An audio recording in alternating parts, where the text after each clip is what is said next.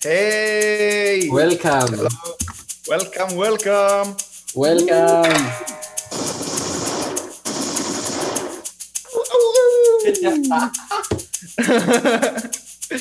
אה, אני שקד, ואני סתיו. ואתם הגעתם לפודקאסט אני לא הקולנוע. יודע למה הם הגיעו אפילו. הגעתם לפודקאסט הקולנוע של אה, שקד וסתיו. אין לנו עדיין שם. רגע, פודקאסט הקולנוע של אה, שקד וסתיו, רגע. שנייה אחת. הל יא! אה, כן, אנחנו חסרי שם. אני מניח ש... אנחנו נעבוד על... אולי אפילו במהלך הפודקאסט אנחנו נעלה עם שם, אבל כרגע אנחנו שם less. תציעו לנו. תוך כדי שאתם שומעים את הפודקאסט ועולה לכם רעיון, פשוט תצעקו את הרעיון לאוויר. תגיעו לנו. תגידו, זה השם. subscribe. אה, בעיקרון, בקונספט הכללי אה, של התוכנית, אנחנו, כל תוכנית ניקח סרט שאנחנו אוהבים, שאכפת לנו, או שאנחנו לא אוהבים, או שסתם יש לנו משהו מעניין להגיד עליו, ופשוט ננתח לו את הצורה. והיום, סתיו, איזה סרט אנחנו מדברים עליו היום? היום אנחנו מדברים על... אה, תן לי... תן לי את התופים. אנחנו היום מדברים על קיל ביל. וואו! אה, כן. כשאנחנו מדברים על סרטים, אנחנו מדברים ממש על, על, ה- על ההיקף הרחב, כלומר לא רק על הסרט עצמו, אנחנו מדברים גם על הקאסט, אנחנו מדברים על הבמאי, אנחנו מדברים על, ה, על, ה, על הצוות, על, ה, על התקופה שהייתה באותו זמן, כלומר, מה, מה היה הטרנדים באותם שנים בקולנוע, איך, איך הסרט הזה שינה תרבות, שינה, מה, מהבחינות האלה. אמ, וכן, אני חושב שזה ממש מגניב. אמ, מה יש לך להגיד על הסרט, שקד? אה, מה, שנתחיל בתקציר, שנספר להם, אוקיי, כן, כאילו, בוא נתחיל בתקציר. כאילו, כאילו מי ששומע את אה. הפודקאסט הזה לא כאילו פריק של קולנוע ולא ראה את הסרט הזה מיליון פעם, כן, בוא, נעשה תקציר. רק להכניס אותם לאווירה. כן, סבבה, אז אה, קיל ביל, אנחנו מדברים על שני הסרטים, אנחנו מדברים על, ווליום 1 וווליום 2. Uh, הסרט הראשון יצא ב-2003 והסרט השני יצא ב-2004, וזה סרט שנכתב ובוים על ידי יקירנו קוונטין טרנטינו. הישראלי, האהוב ביותר, התל אביבי שלנו. כל פודקאסט שמדבר על, על טרנטינו פשוט אומר את זה, הישראלי. כל פעם. כל פעם שיגידו טרנטינו, אני פשוט אגיד, "היש- כי הוא ישראלי, הוא משלנו עכשיו, הוא כבר לא, הוא כבר לא שייך ל... פעם, אתה יודע, הוא היה שייך לאמריקאים, הוא היה כזה הגאווה שלהם. היום הוא שלנו, אתה מבין? היום, היום כבר אי אפשר, עוד מעט יהיה לו ילד, רגע, יש לו כבר ילד ישראלי, לא? נראה לי, כן, היא ילדה או לא זה ילדה? בן. זה, נראה לי שזה בן, וואו. נראה לי. אתה מבין, יש, יש כבר יורש עצר, אתה יודע, יום מן הימים, זה יכול להיות החבר לכיתה של הילדים שלנו. Hell yeah. אי אפשר לדעת. יש לי רעיון, כל פעם שנגיד את השם של טרנטינו, פשוט נשים את התקווה ברקע. וואו. אני צריך להוסיף את זה לסאונדבורד. אני צריך להוסיף- להוסיף את זה לסאונדבורד. טוב, יאללה, בוא נתחיל. אה, הסרט קיל ביל הוא שני סרטים. אה, זה סרט ארוך של ארבע שעות, שבעצם אה, חולק לשניים. בקולנוע ארבע שעות. אני כן. אנשים רגילים שהולכים לקולנוע, אנשים נורמליים. וואו, אני הולך לראות ראשים נערפים היום, ואת אומה תורמן ב outfit שחור צהוב, לא לא ישבו בקולנוע ארבע שעות. אה, בואו נתחיל אז. אה, הסרט מתחיל אה, בשחור לבן, אה, שאנחנו רואים את אומה תורמן, אה, בחורה בת אה, 20, סוף, סוף 20 כזה, תחילת אה, 30, אה, בבגדי כלה. כל הפרצוף שלה מדמם, ואנחנו נמצאים בכנסייה. ובן אדם שאנחנו לא רואים את הפנים שלו אה, מגיע לכלה. אה, אפשר להניח כבר מההתחלה. שזה ביל. אפשר כבר כזה... כאילו, אני, אני כשראיתי את זה פעם ראשונה אמרתי לעצמי, טוב, זה ביל. כן, זה ביל, רואים, יש לו מפית כאילו שכתוב עליה כן, שכתוב. עליה ביל. זה כאילו, שלא נפספס. כן. בקיצור, הוא יורה לה בראש, אוקיי? אה, כשהיא מתעוררת בבית חולים אחרי ארבע שנים, אם אני לא טועה, אה, היא מבינה שבעלה נרצח, אה, הבת שלה שהייתה לה בבטן והייתה אמורה להיוולד, אה, כנראה מתה, וכל האנשים שהיא אה, אהבה מתו. אה, והיא מבינה שמי שגרם לזה היה ה ex boyfriend שלה, שקוראים לו ביל, מהמם, שאותו צריך להרוג. כן. אה, ובעצם היא יוצאת למסע נקמה מיפן עד ל- למדבריות ה- של טקסס, אני לא יודע איפה זה, אה, משהו. כדי להרוג את כל החלאות ש... כל מי שהיה שותף בזה. וזה מה שהיא עושה בעצם אה, במשך שני סרטים עד שהיא מגיעה לביל. לביל עצמו. ואנחנו. נדבר- גם על על המפגש כזה- על זה עם ביל והכל, אבל בואו נתחיל באמת בהתחלה. כי אני חושב שההתחלה היא, יש בה קטע מאוד מאוד מעניין, שהיא מתחילה כזה, אתה יודע, בשחור לבן, וכזה רואים את המפית ואת כל הקטע הזה, ואז כזה יש את ה... קודם כל זה בשחור לבן, זה לא כזה מעניין, זה גם שוט כאילו שהוא די אה, סדיר כזה, ואז גם יש אותה ברכב, נכון? יש כזה, לא יודע, איפשהו, עוד כמה שוטים משעממים כאלה כביכול. אה, אוקיי. ואז יש גם סצנת קרדיטים כזאת, היא מאוד מאוד מאוד ארוכה, זה בערך השש דקות הראשונות של הסרט. אתה אומר לעצמך, באתי לראות סרט אקשן, כאילו, אני לא באתי עכשיו לשבת ו- ולהתמרמר על הכלה הזאת ש- שכמעט מתה, נכון? ו- וגם זה איך ששיווקו את הסרט, כלומר, הסרט משווק כסרט אקשן, בטריילרים, אני מניח ש- ששודרו אז, ראו את העריפות ראשים, את כל... אנשים בטח ישבו וחשבו לעצמם, הלו, כאילו, איפה הסרט אקשן שהובטח לי? ואז כאילו, ברגע שנגמרים הקרדיטים, היא נכנסת לבית של ההיא, נכון? אמ, מהמם.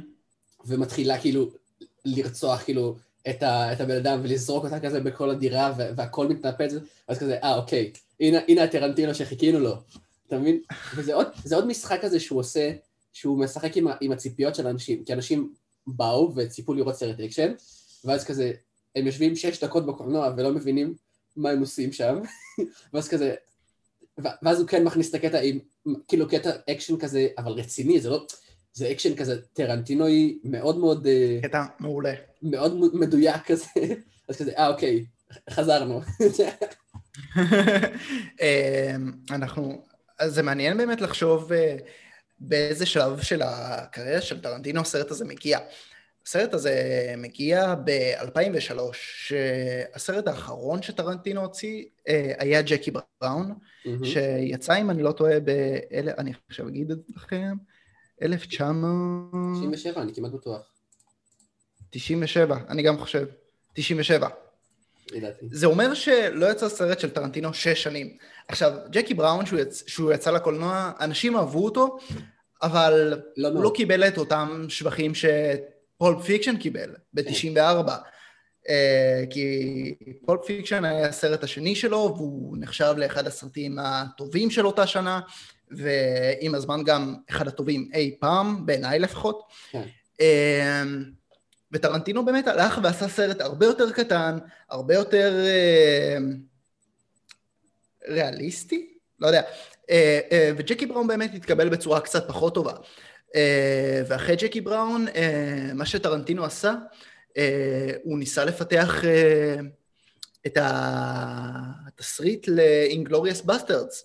הוא התחיל לכתוב את זה עוד שם בסוף שנות ה-90.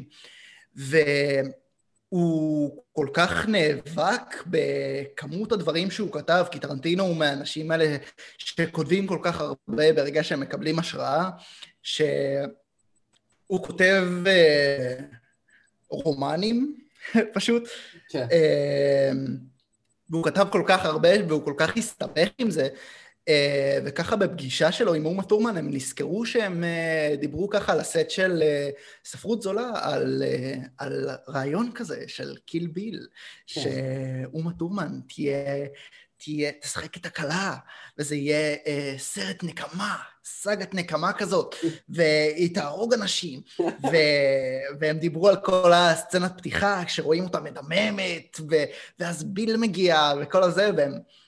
ופתאום כזה, שנתיים כזה, אחרי שהם סיימו, אחרי שהוא סיים את ג'קי בראון, אה, הוא הוציא ככה את ה, כמה דברים האלה שהוא כתב, אה, עוד מ-94 אם אני לא טועה, והוא אמר, אה וואו, זה טוב, זה ממש נחמד, ואז הוא התחיל, אה, ואז הוא החליט פשוט לשים את Inglourious Basterds בצד, ולכתוב את קיל ביל, כן. ויצאו לו שני סרטים. אמ, כן, תשמע, זה באמת מאוד מאוד מעניין- לחשוב על איפה הוא היה בקריירה באותו זמן, כי שתי הסרטים הראשונים שלו, שתיהם היו כאילו לעיתים מטורפים. כשרזרבואר דוגס יצא, אמ, זה, זה די שינה את פני הקולנוע, במיוחד ל, ל, לפילמייקרים מתחילים. כלומר, אנשים אמרו, זה הסרט הראשון שלו, כאילו, we gotta step it up. כאילו, זה, זה באמת היה סרט מאוד מאוד... ואז Pulp Fiction, שזה אין אפילו על, על מה לדבר, כלומר, זה היה סרט ענק, כאילו, זה, זה היה סרט ש... מדהים. גם שינה ב... ב... שינה קצת את, ה... את איך שאנחנו חושבים על סרטים, כי אני לא זוכר הרבה מאוד סרטים לא ליניאריים שקרו לפני Pulp Fiction. כאילו זה לא היה משהו שהוא מאוד מאוד מיינסטרימי. היום יש הרבה יותר סרטים לא, שמשתמשים בקווי עלילה לא ליניאריים. הרבה מאוד. אוקיי? וזה משהו שק... ש... שהתחיל איתו, כי הוא, כל הקטע שלו זה כזה לשבור מוסכמות, לשבור חוקים. אני לא עושה, אני לא כמוכם, אני לא פילמברו כמוכם, אני עושה מה שאני רוצה כזה. ומצד אחד זה כאילו, זה מצחיק, זה קצת פרודי לחשוב על זה. מצד שני, וואלה, הוא, הוא באמת שובר חוקים, וכאילו, הוא, הוא משנה את הכללים כאילו של המשחק שהוא הצטרף אליו לפני שנייה. אז זה מעניין ממש לחשוב על זה.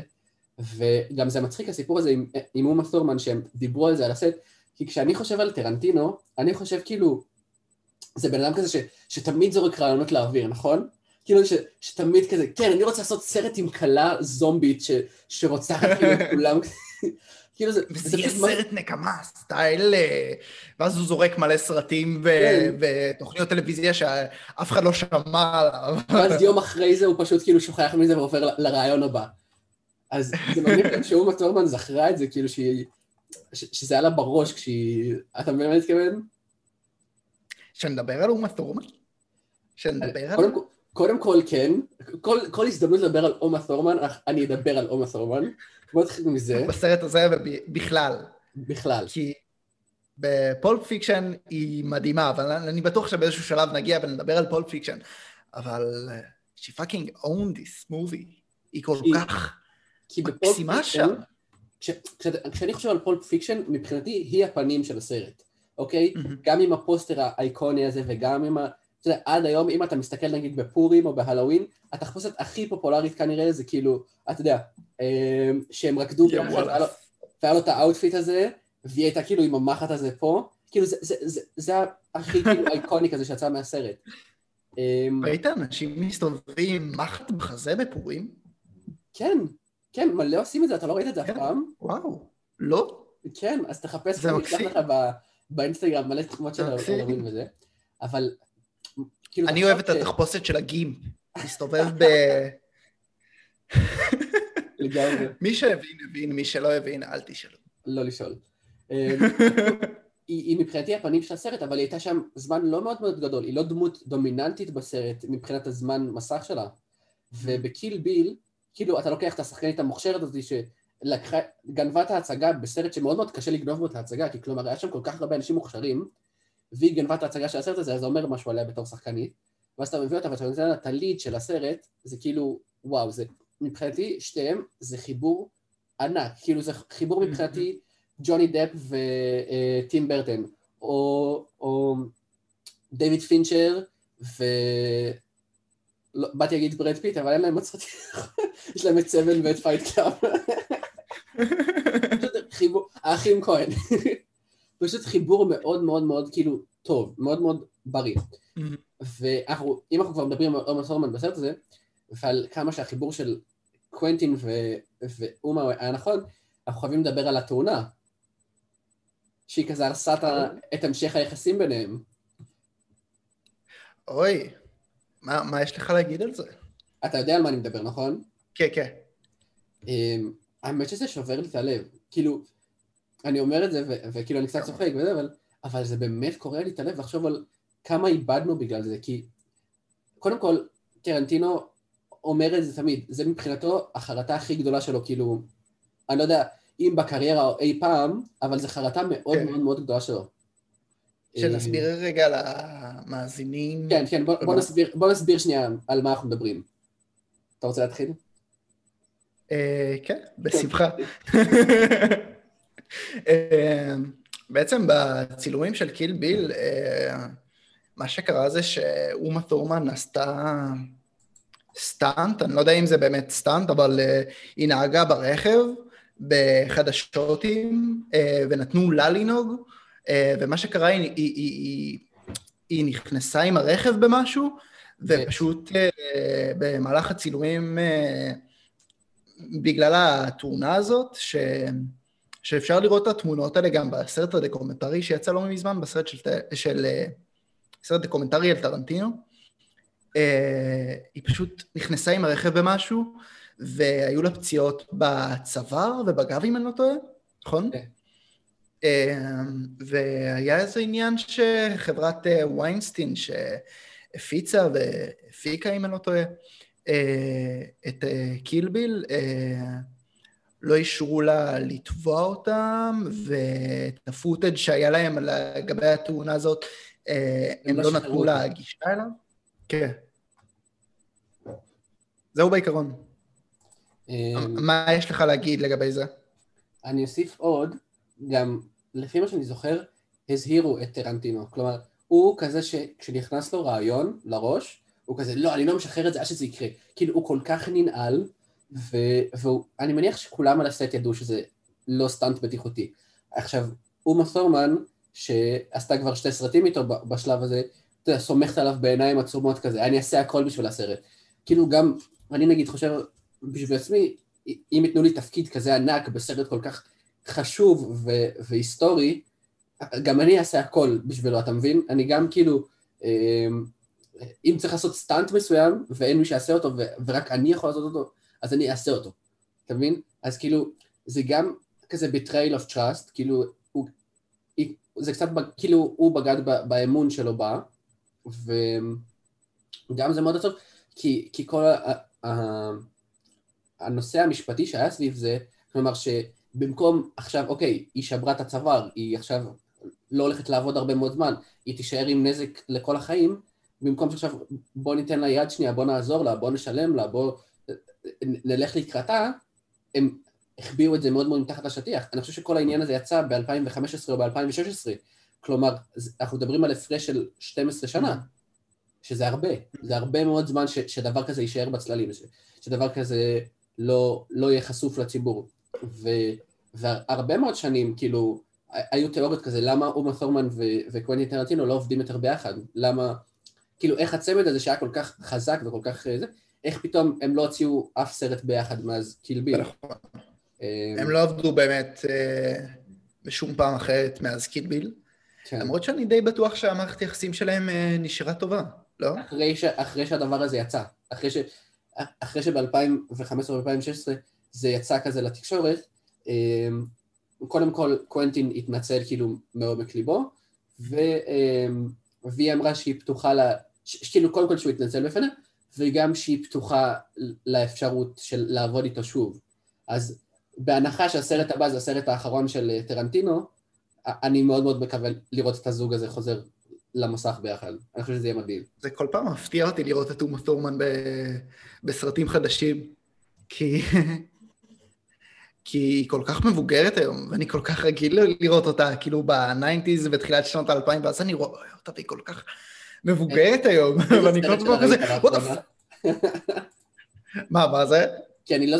איזה סרט שלה ראית לאחרונה? כי אני לא זוכר איזה סרט פעם אחרונה שלה ראיתי. כאילו סרט... ראיתי אותה אה, בסרט אה, The House That Jack Build. שמעת עליו? ג'ק בילס? כן. מה זה אומר? אני לא מכיר את הסרט הזה. לא יודע. רגע, אני מסתכל... זה סרט של... ברח לי השם אני שלו. מסתכל על מה- במה היא שיחקה לאחרונה, רגע. היא לא שיחקה בשום דבר. איך קוראים לבמאי הזה? זה סרט של לארס בון טרייר. והיא אה, Built. שם. כן, כן, כן, ראיתי את הסרט הזה, כן. אמ, אבל היא שיחקה תפקיד קטן, או לא? סרט מצוין. היא נרצחת שם. היא הנרצחת הראשונה, סליחה על הספוילרים. וזה סרט מעולה. spoiler alert, spoiler alert. ואני כאילו, זה, זה כל כך צבט לי. אני רציתי לקבל את ג'ק לפרצוף. זה אה!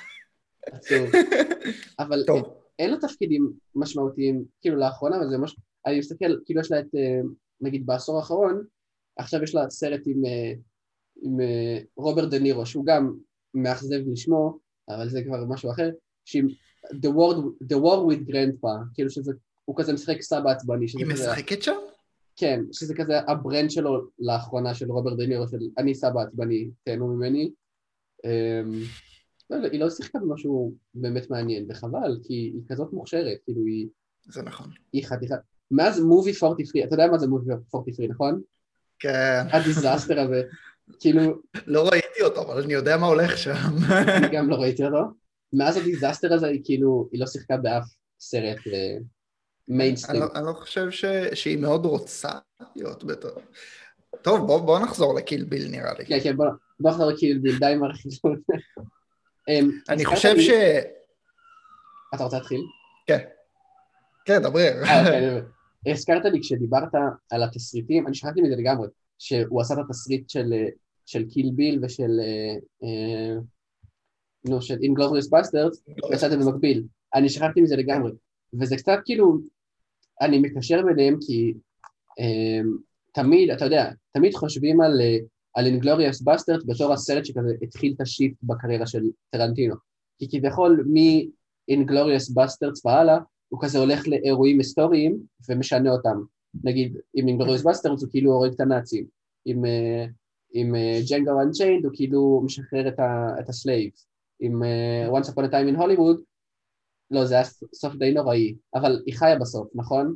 אז כאילו, אז לפחות זה, אמ, וכאילו, תמיד השיפט נחשב כזה עם Inglourious Basterds, אבל אני חושב שאפשר לקשר בין התסריטים, כאילו, בין התסריט של, של Kill Bill ובין התסריט של Inglourious Basterds, כי גם ב Kill Bill כביכול היא הולכת ומתקנת אירוע שקרה לה. גם אם זה לא אירוע היסטורי כמו בהשוואה לתסריטים האלה, כן הולכת ומתקנת אירוע שקרה לה אישית. אתה מבין? אני לא חושב שהיא היא מתקנת כמו שהיא פשוט מגיבה לזה. נקמה. כאילו זה סרט נקמה טהור. לגמרי. אה, כן, ממש ממש מעניין. בוא נדבר רגע על, ה... על הדרך שבה הפיצו את הסרטים האלה. אה, וזו דרך מעולה. הסרט הזה יצא בשני חלקים. זה סרט של ארבע שעות שנחתך כזה באמצע בצורה מצוינת. אתה, אתה לא שם לב לזה, כי הסרט הראשון נגמר בצורה כל כך טובה, והסרט השני מתחיל ונגמר בצורה כל כך אה, נכונה, שזה נורא כיף. אני אישית מאוד אוהב לראות את הסרט הראשון, לעשות הפסקה, ואז לראות את הסרט השני, מהמם. אה, ולראות אותם כזה ביחד. אבל אה, אם אנחנו מדברים כזה בהקשר של לעשות דבר כזה, אה, אני חושב על שר הטבעות. שר הטבעות גם כן יצא ב- בהפקה של אה, הרווי ויינסטין. אה, והסרט הזה, הסרטים האלה בהפקה של מי? הרווי ויינסטין. רגע. הרווי ויינסטין. אוקיי. זה לא, זה נושא רציני.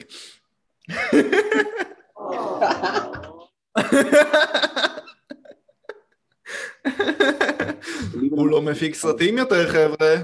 That's for sure. תודה לאל. אה, אבל שר הטבעות באמת הוכיח שאפשר לקחת סרט של תשע שעות ולחלק אותו לשלושה סרטים, וטרנטינו לקח סרט של ארבע שעות וחילק אותו לשני סרטים. ואני חושב שיש הקשר נורא מעניין אה, בין שני הסרטים האלה, כי אה, איזה סרט אתה חושב יותר טוב, סתם? אני חייב להתוודות שנייה. אני לא ראיתי שר הטבעות.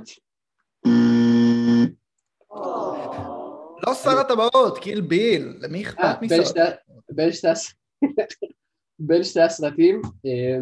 ווליום 1, לחלוטין ווליום 1, אפילו לא. במייל, כאילו.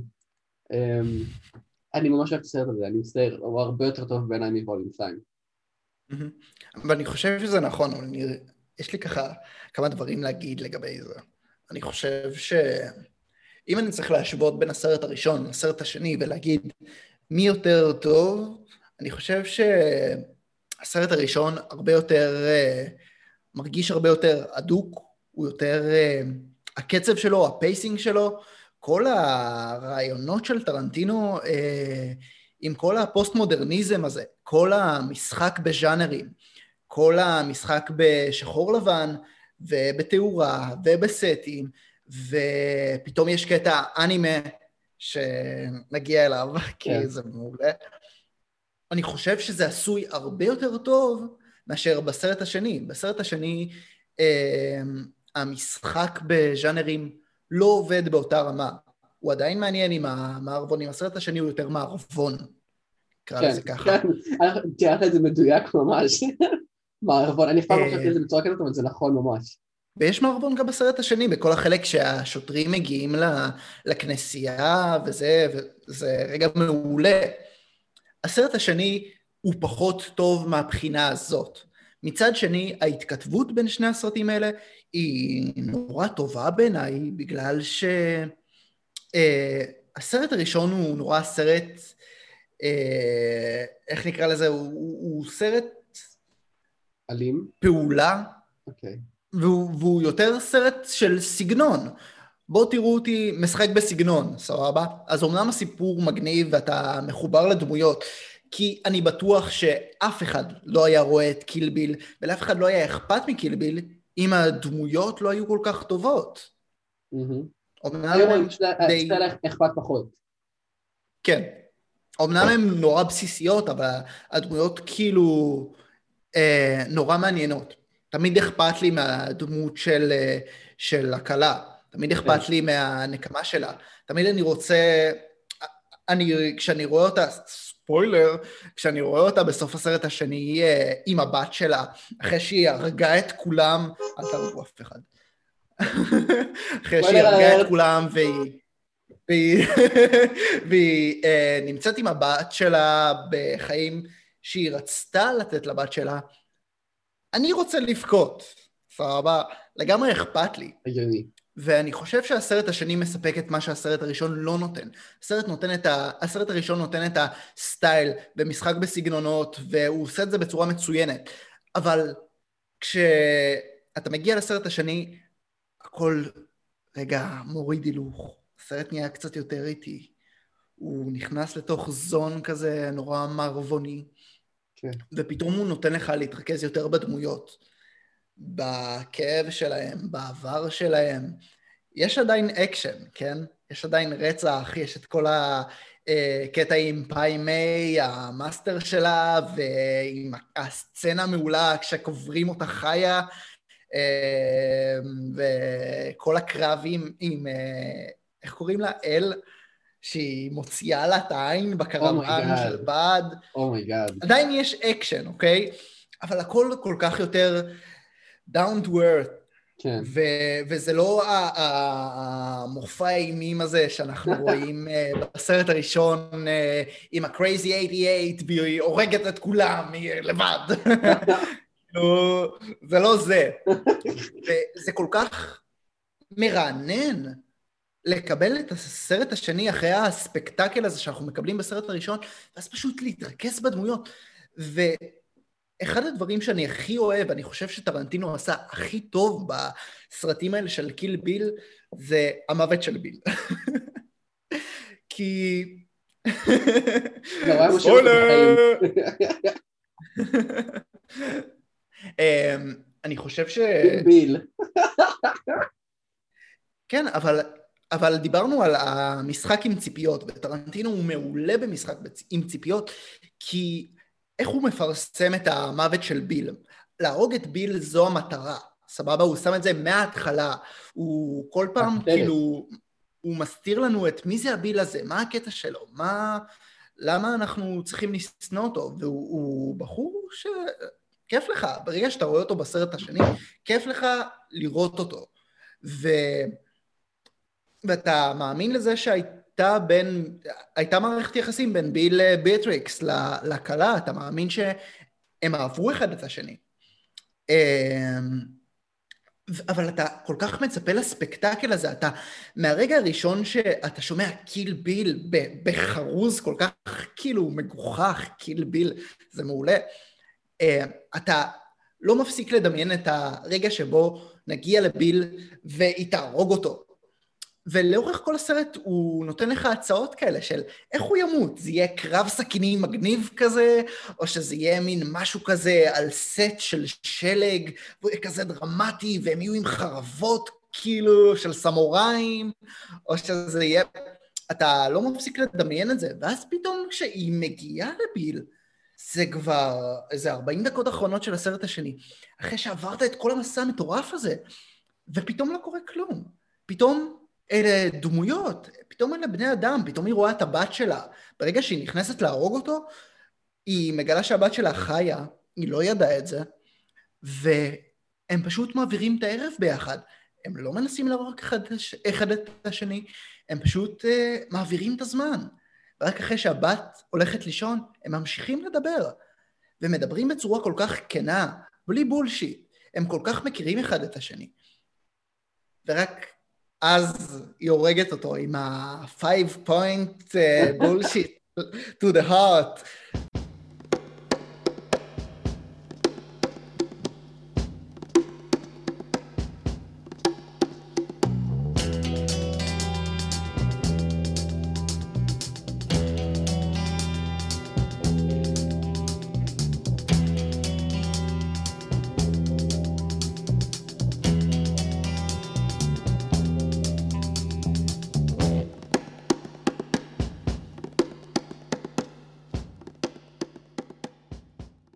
אפשר להגיד שהסרט הזה לא טוב, אפשר להגיד שהסרט הזה מושלם והדבר הכי טוב שזה, וזה גם, אני חושב שזה סרט מאוד מאוד, שהתפלג מאוד מאוד בין אנשים, כלומר, אם אני חושב על סרט ש, שהכי, כאילו, לפחות ממה שאני ראיתי, יש בו פילוג, של אנשים שחושבים, וואו, זה סרט ממש משעמם, לא קרה בו כלום, לעומת אנשים שאומרים, וואו, זה הסרט הכי טוב שראיתי כאילו אי פעם, זה סרט מושלם של טרנטינו, איך אתם לא רואים את זה, אה, הוא מאוד מאוד גדול. כאילו, הרגש שהוא יצר, הוא מאוד מאוד רחב, כאילו, בין האנשים שמבקרים ובין האנשים ש...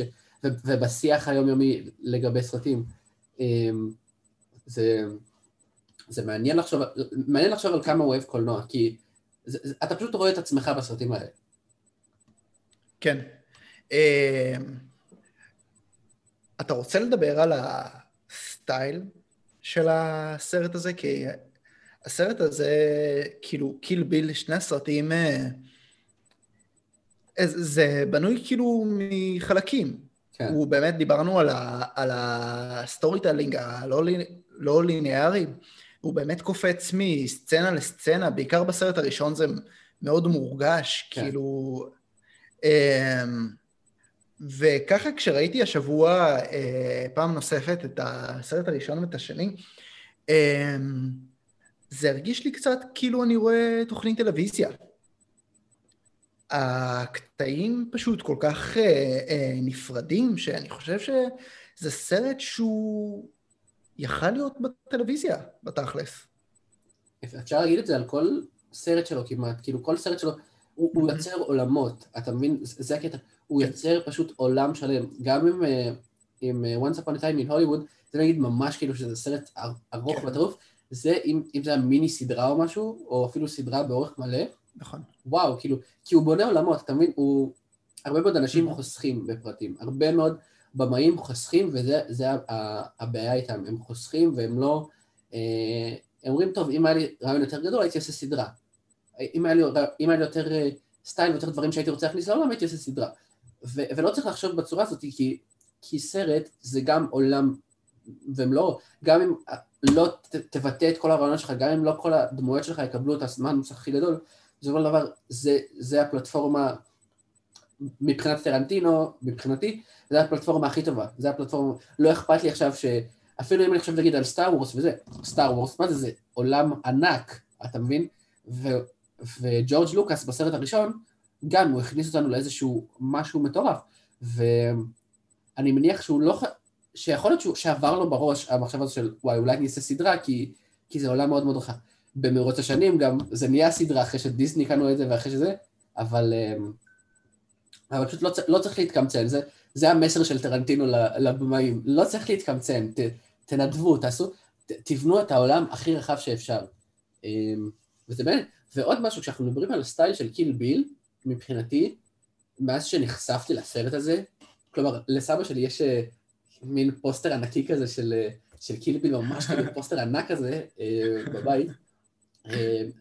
הצהוב שחור הזה, כאילו, השילוב הזה מבחינתי, כל פעם שאני אראה צהוב שחור, כאילו, צהוב עם סטריפים שחורים כזה, מבחינתי זה Kill Bill, אתה מבין? זה, ה style הזה שהוא בנה הוא כל כך מגניב וכל כך ספציפי וייחודי לו, שאני לא יכול להסתכל עכשיו על, על צהוב שחור ולחשוב על בית"ר ירושלים, אוקיי? אני חושב ישר על Kill Bill. עכשיו, זה באמת העניין של ה image הזה שהוא יוצר, כי, ו, ובסרט הזה זה לגמרי מורגש, כי בסרט הזה הוא משחק עם, עם צבעים, והוא יוצר את הרגע המושלם, גם אם הוא לא ריאליסטי, וגם אם הוא כאילו, הוא פשוט, הוא, הוא נותן לזה לתפוס את כל הסרט. כש, כשאני ראיתי את קיל ביל בפעם הראשונה לפני כמה שנים, אה, אני ממש הרגשתי שהבמאי נוכח. אני הרגשתי שכשראיתי את הסרט, כי, כי כש... לבמאים יש דרך לדבר עם הקהל שלהם, והדרך הזאת זה באמת בשפה קולנועית, ו... ועם טרנטינו, בעיקר בסרט הזה, זה מורגש. כשראיתי את הסרט הזה בפעם הראשונה, בעיקר את הסרט הראשון, הרגשתי כאילו טרנטינו נמצא שם ומדבר איתי. והוא מדבר איתך דרך מוזיקה, ודרך צבעים, ודרך סגנון. אורי.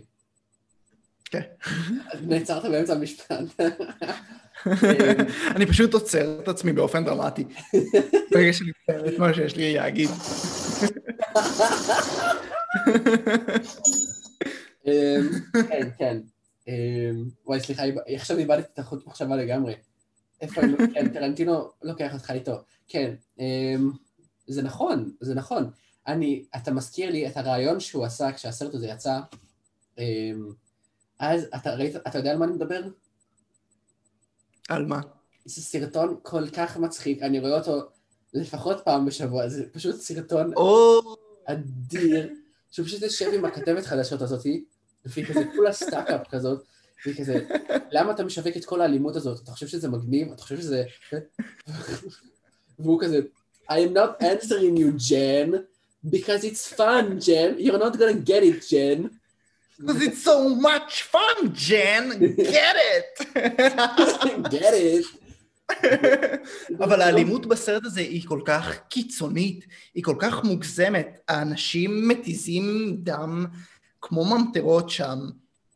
ו... אני, יכול, ו... אני יכול להבין את החששה של ג'ן, אני יכול להבין אותה, כי אני מניח שהיא, אתה יודע, אימא וזה כאלה, ואם אתה לא מבין את העולם הזה של הקולנוע, ואתה צופה חיצוני ו- ורואה כאילו את כל האלימות הזאת, כזה, מה הולך שם?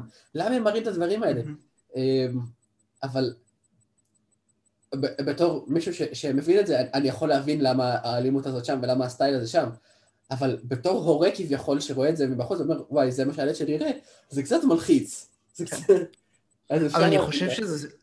זה statement מאוד חשוב, כאילו, ש, שטרנטינו עם השנים הלך וגיבש וזה שירת אותו מאוד uh, ב Inglourious Basterds, בטח בג'נגו, כשמדובר בנושאים כל כך רגישים כמו השואה והעבדות בארצות הברית, uh, והוא באמת מהרעיון הזה העביר איך הוא רואה אלימות בקולנוע.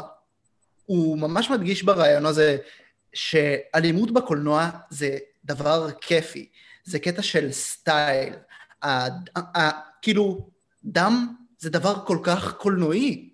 אני לא יכול לראות קולנוע בלי דם כמו שאנחנו מכירים אותו, כי דם זה דבר כל כך קולנועי.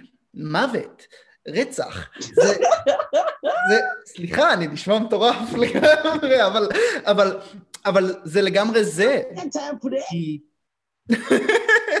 כי וטרנטינו בטח בסרטים שלו, ואחרי זה בסרטים המאוחרים שלו יותר, הוא מראה את ההקשר בין אלימות במציאות ואלימות בקולנוע, וקיל ביל הופך אלימות לדבר כל כך קיצוני, שזה לאט לאט מאבד את המקום הריאליסטי, את העולם הריאליסטי, ונכנס לעולם של הקולנוע, כי זה דם שמשפריץ כמו ממטרה, זה לא המציאות, זה העולם שאני בונה.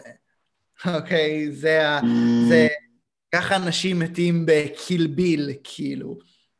וזה מצוין, כי זה קולנוע, והוא, והוא אומר לך, תהנה, הכל בסדר. אני בסך הכל מספר לכם סיפור. ולאט לאט הוא כל פעם, הוא כל פעם נותן לך את הקריצות האלה של זה סרט, זה לא אמיתי, חבר'ה, תירגעו. אני כל כך מסכים עם זה, אני כל כך מסכים עם זה, כי התרבות נהייתה כל כך היסטרית. אנשים מחפשים על מה להתעצבן לפעמים, אני באמת מרגיש, אנשים מחפשים על מה להתעצבן. כאילו זה קולנוע, זה אמור להיות כיף, אתה אמור לצאת לקולנוע עם חברים אה, וליהנות, זה אמור להיות הרליס שלך כזה מהמציאות. אני חושב, הסרטים הכי טובים זה סרטים ש, ש, שלוקחים אותי כזה הצידה מהמציאות, אתה מבין? סרטים שאני יכול להישאב לתוכם, ו, ואני בעולם הזה לשעתיים הקרובות. אני יוצא מה, מהמציאות שלי, אני, אני שוכח מהבעיות שלי, אני שוכח מה, מה, מהדברים שמטרידים אותי ביום יום, ו, וזה הכיף של הקולנוע, זה, זה הטוב של הקולנוע, אתם רוצים לקחת את זה מאיתנו? אתם רוצים שלא יהיה דם? אתם לא רוצים ש... אה, אתה מבין מה אני מתכוון? כאילו, יש מספיק עם מה להתמודד בחוץ, יש מספיק דם בחוץ, יש מספיק אלימות שקורית, זה, זה, זה המפלט שלנו, זה האלימות הלא אמיתית שקורית. תדאגו לאלימות אמיתית, תדאגו לפושעים האמיתיים, אתה מבין למה אני מתכוון? תנו לנו, תנו לנו לחיות בעולם שלנו ופשוט להתפרק בעולם הזה, אתה מבין? ועוד משהו שאמרת בהתחלה וכזה רשמתי לעצמי בתור נקודה, שדם זה מאוד מאוד קולנועי, אמרת את זה. אמ, וזה מצחיק, כי כשאני חושב על, על, על דם, השוט הראשון שעולה לי זה השוט מג'נגו אנצ'יינד, שכזה, אתה יודע מה אני מדבר, על הדם, על הפרחים הלבנים. אוי, כן. זה שוט כל כך עוצר נשימה. כאילו, אני זוכר ש... אני ממש זוכר כאילו שהטריילר לסרט הזה יצא, והשוט הזה היה שם, ואני פשוט הייתי כזה, זה... Oh my god. אבל תחשוב על ילד בן 12, כן? כאילו, מבחינתי זה היה כל העולם באותו רגע. הטריילר הזה, זה כאילו... זה היה... כל אותו השבוע היה מוקדש לראות, לראות את הטריילר הזה בלופים. זה פשוט... לא- איזה לא כיף לך, אני בשנים האלה, אני לא ידעתי מה זה קולנוע. אני, אני בשנים האלה, הסרטים שראיתי היו Spy Kids אה, 4. באמת? מתי נכנסת לקולנוע? מתי, באיזה גיל התחלת לאהוב קולנוע? אמ, זה התחיל בכיתה ח', והתחלתי יותר מדיסני, יותר מסרטי אנימציה, מפיקסאר, ורק לאט לאט ככה מכיתה ט' בערך, התחלתי להיכנס יותר ל... לשאר הסרטים. נכנסתי ל-IMDb ואמרתי, טוב, בואו בוא, בוא, בוא, בוא נתחיל לראות פשוט את הכי טובים בעיניהם. אז התחלתי מחומות של תקווה, חומות של תקווה, oh my god, חומות של תקווה, The Godfather, הם בחיים לא ירדו, כאילו, זה הטופ שתיים כזה לנצח.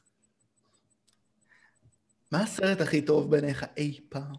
הניצוץ. רגע. בפרק הבא. רגע, הניצוץ. הניצוץ. אה, וקורליין. הל יא. שתי הסרטים האלה זה הסרטים הכי טובים אי פעם. אתם יכולים לדבר איתי עד מחר, אתם יכולים להתווכח איתי חודש, אני נשאר בעמדה שלי. זה שתי הסרטים. אתה יודע מה הסרט שאני חושב שהוא הכי טוב אי פעם? מה? 2001 אודסיה בחלל. גם סרט של קובריק. fuck you! אני אוהב את הסרט הזה, אני אוהב את הסרט הזה. אבל, כאילו, אני לא, אולי לא ראיתי את זה עם מספיק attention span, לא, אתה יודע מה, אני כן התחברתי מאוד לסרט הזה כשראיתי אותו, אני כן הייתי מאוד מאוד מאוד ברגע, כאילו הסרט הזה יושב לי כאילו פה עד היום, כאילו זה, זה אחד הסרטים הכי אהובים עליי אי פעם, אבל הכי אהוב, הכי טוב, really? כן, הוא מצוין. That's weird. fuck, מה? That's suspicious. ביי, להתראות. נו, תסביר, לא, הפסקנו לדבר על קיל ביל, התחלנו לדבר על קובריק. וואו, איזה מעבר כל כך טבעי. יש לך מה להוסיף על אה, קיל ביל או שנסיים את התוכנית? אמ, מה עוד יש לי להגיד על קיל ביל? וואו, זה סרט כל כך טוב, אני כל כך אהב... oh my god, זה כל כך טוב. אוקיי, אתה יודע על מה אנחנו לא דיברנו? על קיל ביל? כן. לא דיברנו על האחת והיחידה, לוסי לו, אוקיי? זה, זה נושא גדול מאוד. דבר. אני מת. רגע. Queen has more to do with having balls.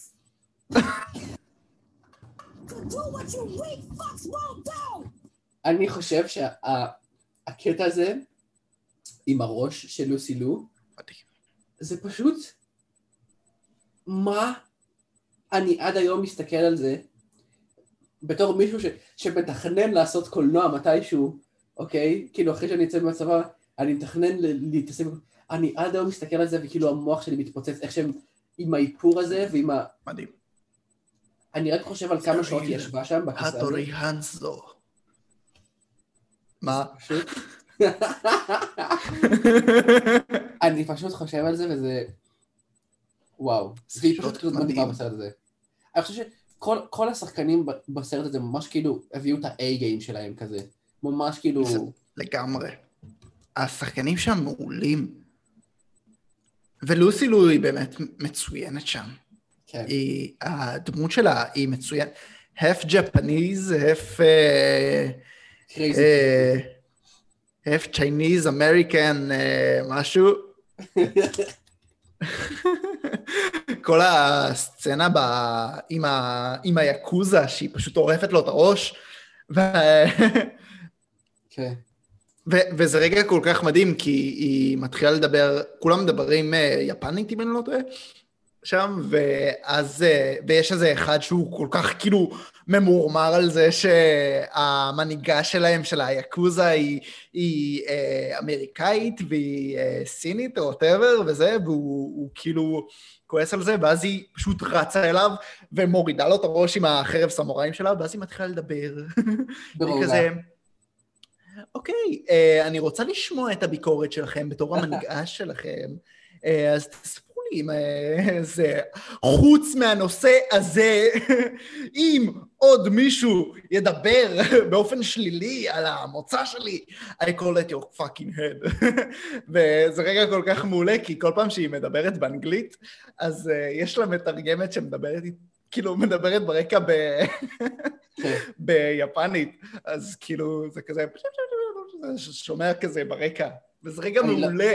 אני לא אגיד את מי מזכירה לי מהמציאות. רגע, אני אגיד, אני אגיד. קצת כמו ה... שלי. אמ, כן, זה... אני אגיד לך אחר כך בפרטי.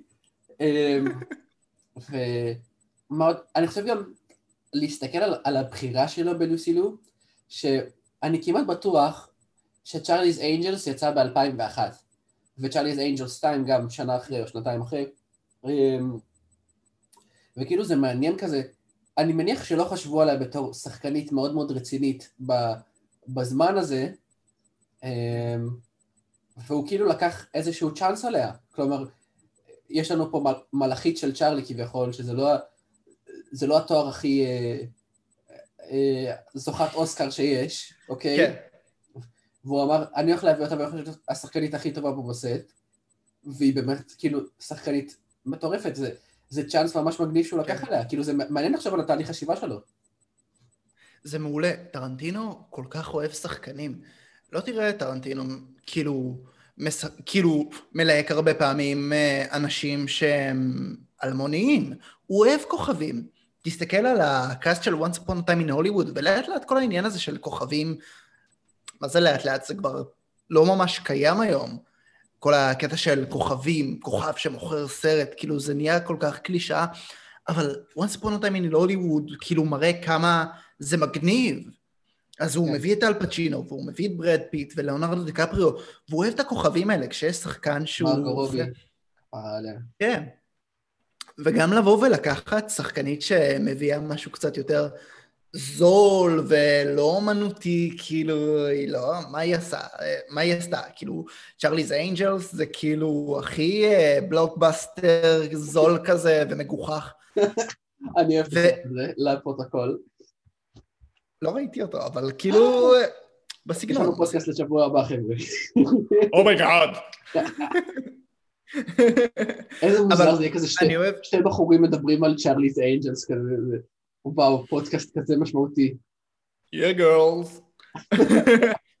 אבל זה מה שאני אוהב בטרנטינו, שהוא לוקח דברים מאומנות שנחשבת לאומנות זולה, או אומנות י- אה, ירודה, ספרות. והוא הוא מאמץ את זה, והוא משחק בין האומנות הגבוהה לאומנות הנמוכה, ו, ואיפה הגבולות, ואיפה אומנות כאילו שהיא לא נחשבת, ואומנות שכן נחשבת, איפה זה מתחבר. כן. ועד היום הס- הסרט... לא היה לו סרט שזכה באוסקר. כאילו, הוא זוכה בעיקר בתסריט, אבל... זה מעניין. זה מעניין, כי זה קצת מביא אותנו לרלוונטיות של האוסקרים.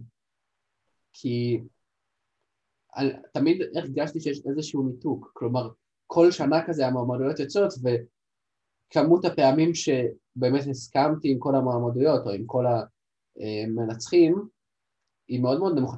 וזה קצת כזה דיון שהוא קורה כזה בכל העולם כרגע. זה לא רק על, על ה Oscars, זה גם ב Grammys וגם ב... אמ, בטקסי פרסים אחרים, שפתאום אנשים עוצרים רגע וחושבים, וחושבים לעצמם כאילו, האם זה באמת רלוונטי היום? האם, האם זה באמת מייצג את דעת הקהל אמ, כמו שזה אמור לייצג? זה אמור להיות ה prestigious ביותר, זה אמור להיות הנכון ביותר, ואיך זה הגיוני ש, שטרנטינו, שכלומר הסרטים שלו עד היום הם בשיח, עד היום, אם אנחנו ניגש לשיחה ממוצעת של של cinephiles, איפשהו באמצע הם ידברו על סרט של טרנטינו. בוודאות, אתה מבין? איך זה כן. הגיוני שהוא לא קיבל אף אוסקר? גם השנה ב Grammys, אה, עם The Weeknd, כלומר, הוא הוציא את האלבום הכי מצליח של 2021, אה, של 2020, או אולי אפילו את אחד המצליחים, והוא לא קיבל אף מועמדות. כלומר, אנשים היו בטוחים שהוא הולך לקבל את האלבום השנה, והוא לא קיבל אף מועמדות. ואז אתה חושב על זה קצת, ו- וה... הרי הקומדיז האלה הם בעצם מורכבים בעיקר אנשים לבנים, או כאילו אנשים לבנים מבוגרים. אמ, וכן, יש שם איזשהו ניתוק, יש שם איזשהו משהו שצריך להשתנות. ואני חושב שהשינוי שעשו השנה באוסקרים, אתה שמעת על זה בטח, נכון? על מה אתה מדבר? על השינוי שעשו בחוקים של האוסקר. של מה? השינוי שעשו בחוקים של האוסקר, שכאילו צריך להיות יותר כן, מגוון. כן. שמעתי על זה, זה מעולה. זה לא מספיק, זה לא מספיק, זה צריך להיות, אני לא זוכר אפילו מה הקריטריונים, אבל רבע מהצוות של היח"צ או, או 10% מהשחקנים, זה לא מספיק, זה, זה,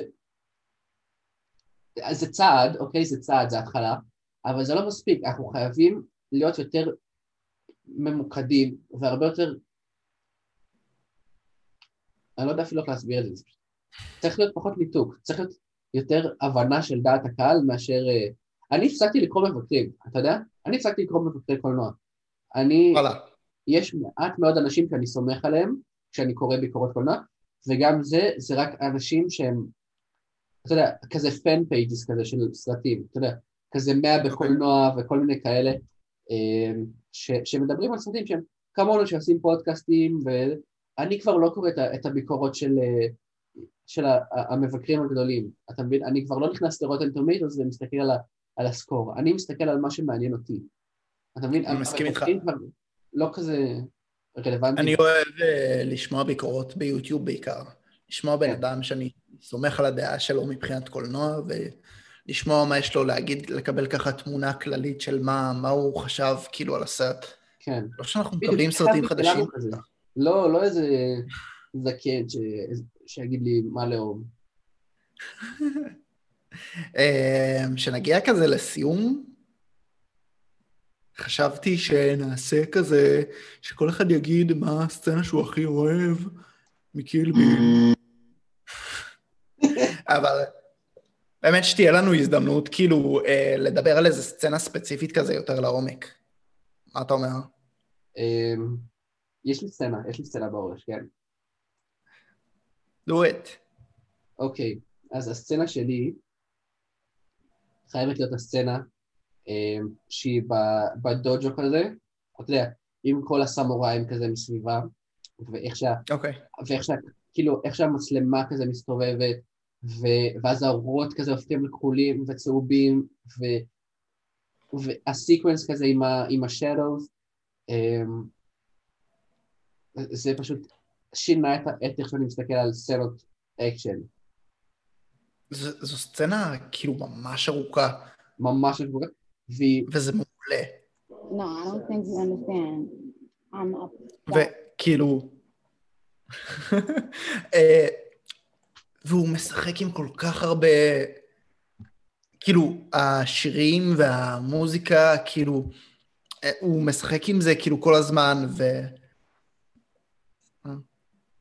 לגמרי, לגמרי.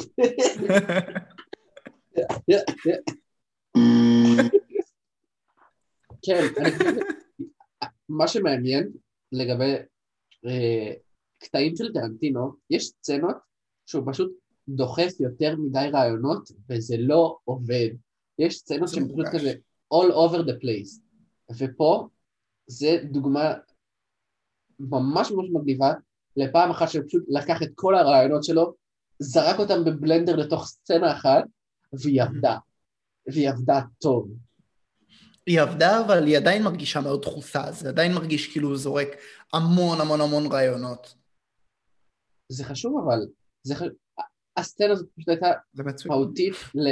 ל... להיסטוריה קולנועית. היא הייתה מהותית לה- להיסטוריה קולנועית, אני לא צוחק, זה, זה פשוט סצנה ש... שילמדו אותה עוד, אם יהיה עולם עוד שנתיים, אז ילמדו אותה עוד, שנ...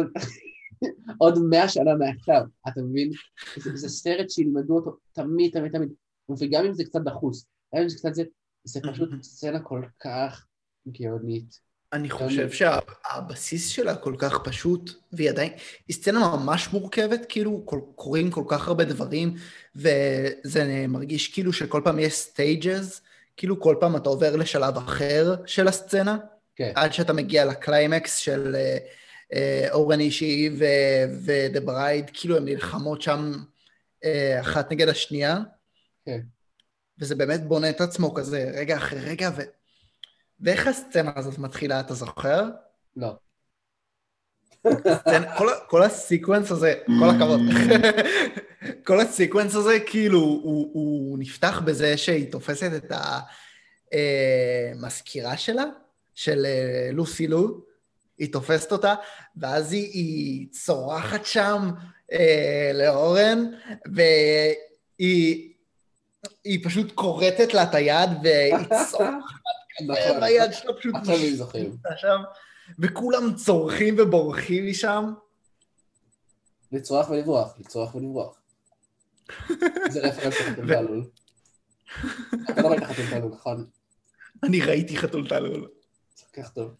אני כל כך אהבתי את זה בתור ילד. וואו, וואו. ואז, ואז כשגדלתי גיליתי ש, שזה סרט שאנשים כל כך שונאים. מטומטמים, בומרים. כאילו, אני אוהב אותו, אני יכול לראות אותו עד היום, אבל כאילו, אני יכול להבין.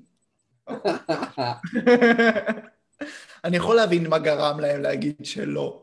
לא, לא אהבתי. אני מנסה לחשוב על סצנה שאני הכי אהבתי. Get the fuck out of here! אה, תמשיך לדבר בזמן שאני חושב. Yes, I did that. Say you would do it too on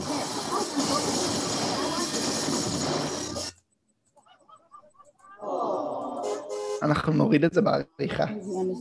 I'm obsessed.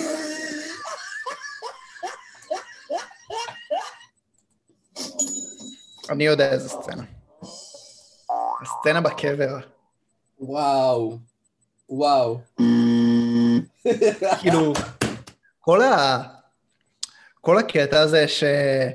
שהם פשוט קוברים אותה עם הפנס, ואז אתה...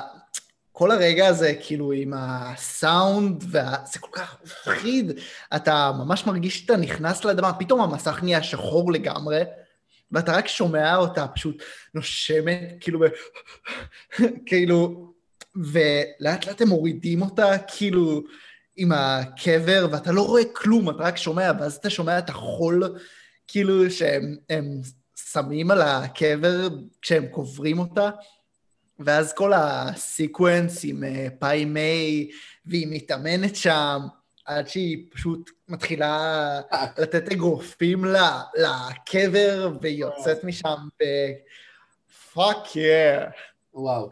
תשמע, לא חייבת להיות אחת הסצנות יש לי. זיכרון מאוד ספציפי מהסרט הזה, אני אגיד לך גם למה, מה- מהסצנה הזאת, אני אגיד לך למה.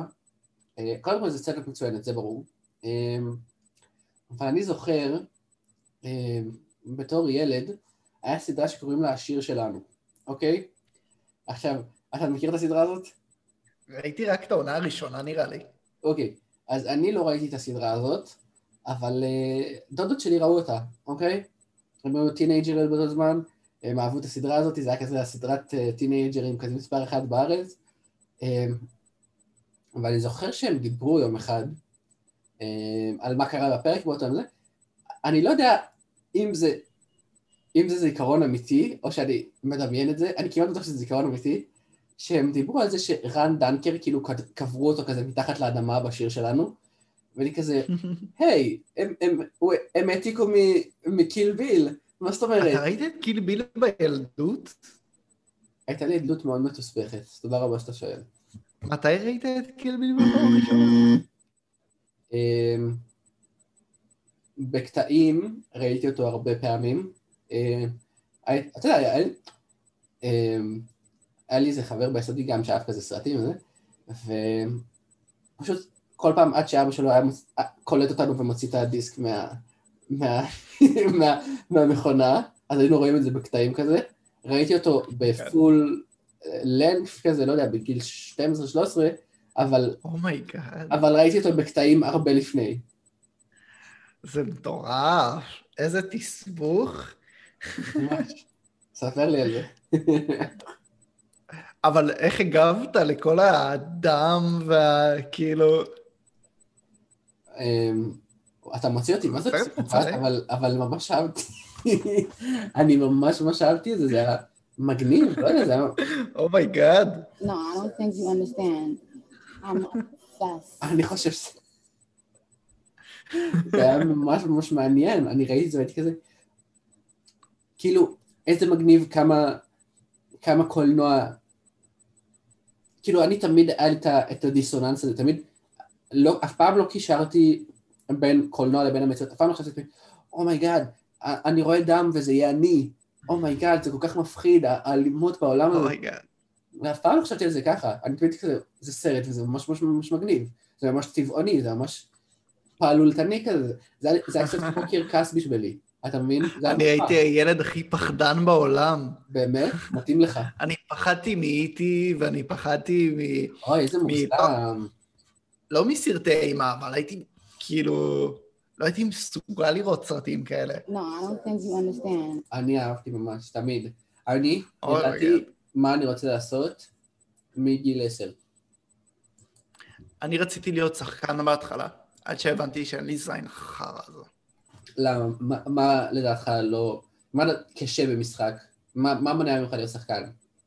לא, לא, אין לי בעיה, אני הייתי מת להיות שחקן, אני חושב שגם אני יכול לשחק, אני פשוט... אה, אין לי זין ללמוד שורות. מת. אני חושב שפשוט בשביל ה... בשביל ה... החשיב... אני אומר את זה כל כך הרבה, אבל זה פשוט נכון. החשיבות ההיסטורית של הדבר, כאילו, אתה נמצא בסרט, אתה מבין? אני יכול ללמוד את כל התסריט גם אם, אם, אם, אם זה אומר שאני אהיה בסרט. אתה מבין למה אני מתכוון? כאילו, הרגע הזה בזמן שאתה הולך להיות און קמרה, וזה, וזה מתועד לנצח, כלומר, מי יודע, עוד מאה שנה מישהו יפתח את ה... את ה... לא יודע איך, איך DVD ייראה אז, אבל מישהו יפתח את ה-DVD ועכשיו, אוי, הנה סרט ממש ממש מגניב, ואתה שם. זה, זה, אני תמיד אומר את זה, אני היסטוריון עם מצלמה, אני לא צלם, אני היסטוריון עם מצלמה. אתה מבין? ו, וגם בתור שחקן, זה, זה, זה פריבילגיה רצינית, כאילו, להגיד שורות, זה, זה חתיכת זכות, כאילו זה... אני מעדיף להגיד לאנשים מה להגיד. יאללה, שנסיים. לא, אני יש חושב לך ש... משהו נוסף להגיד? אני חושב שעשינו את זה קצר מדי, אני חושב שאנחנו צריכים לעשות את זה הרבה יותר... חושב... בוא נמשיך קצת, בוא נדבר עוד טיפה. אנחנו לא, מדברים יותר משעה. אני צריך... מעניין אותי אם מישהו יקשיב לכל זה.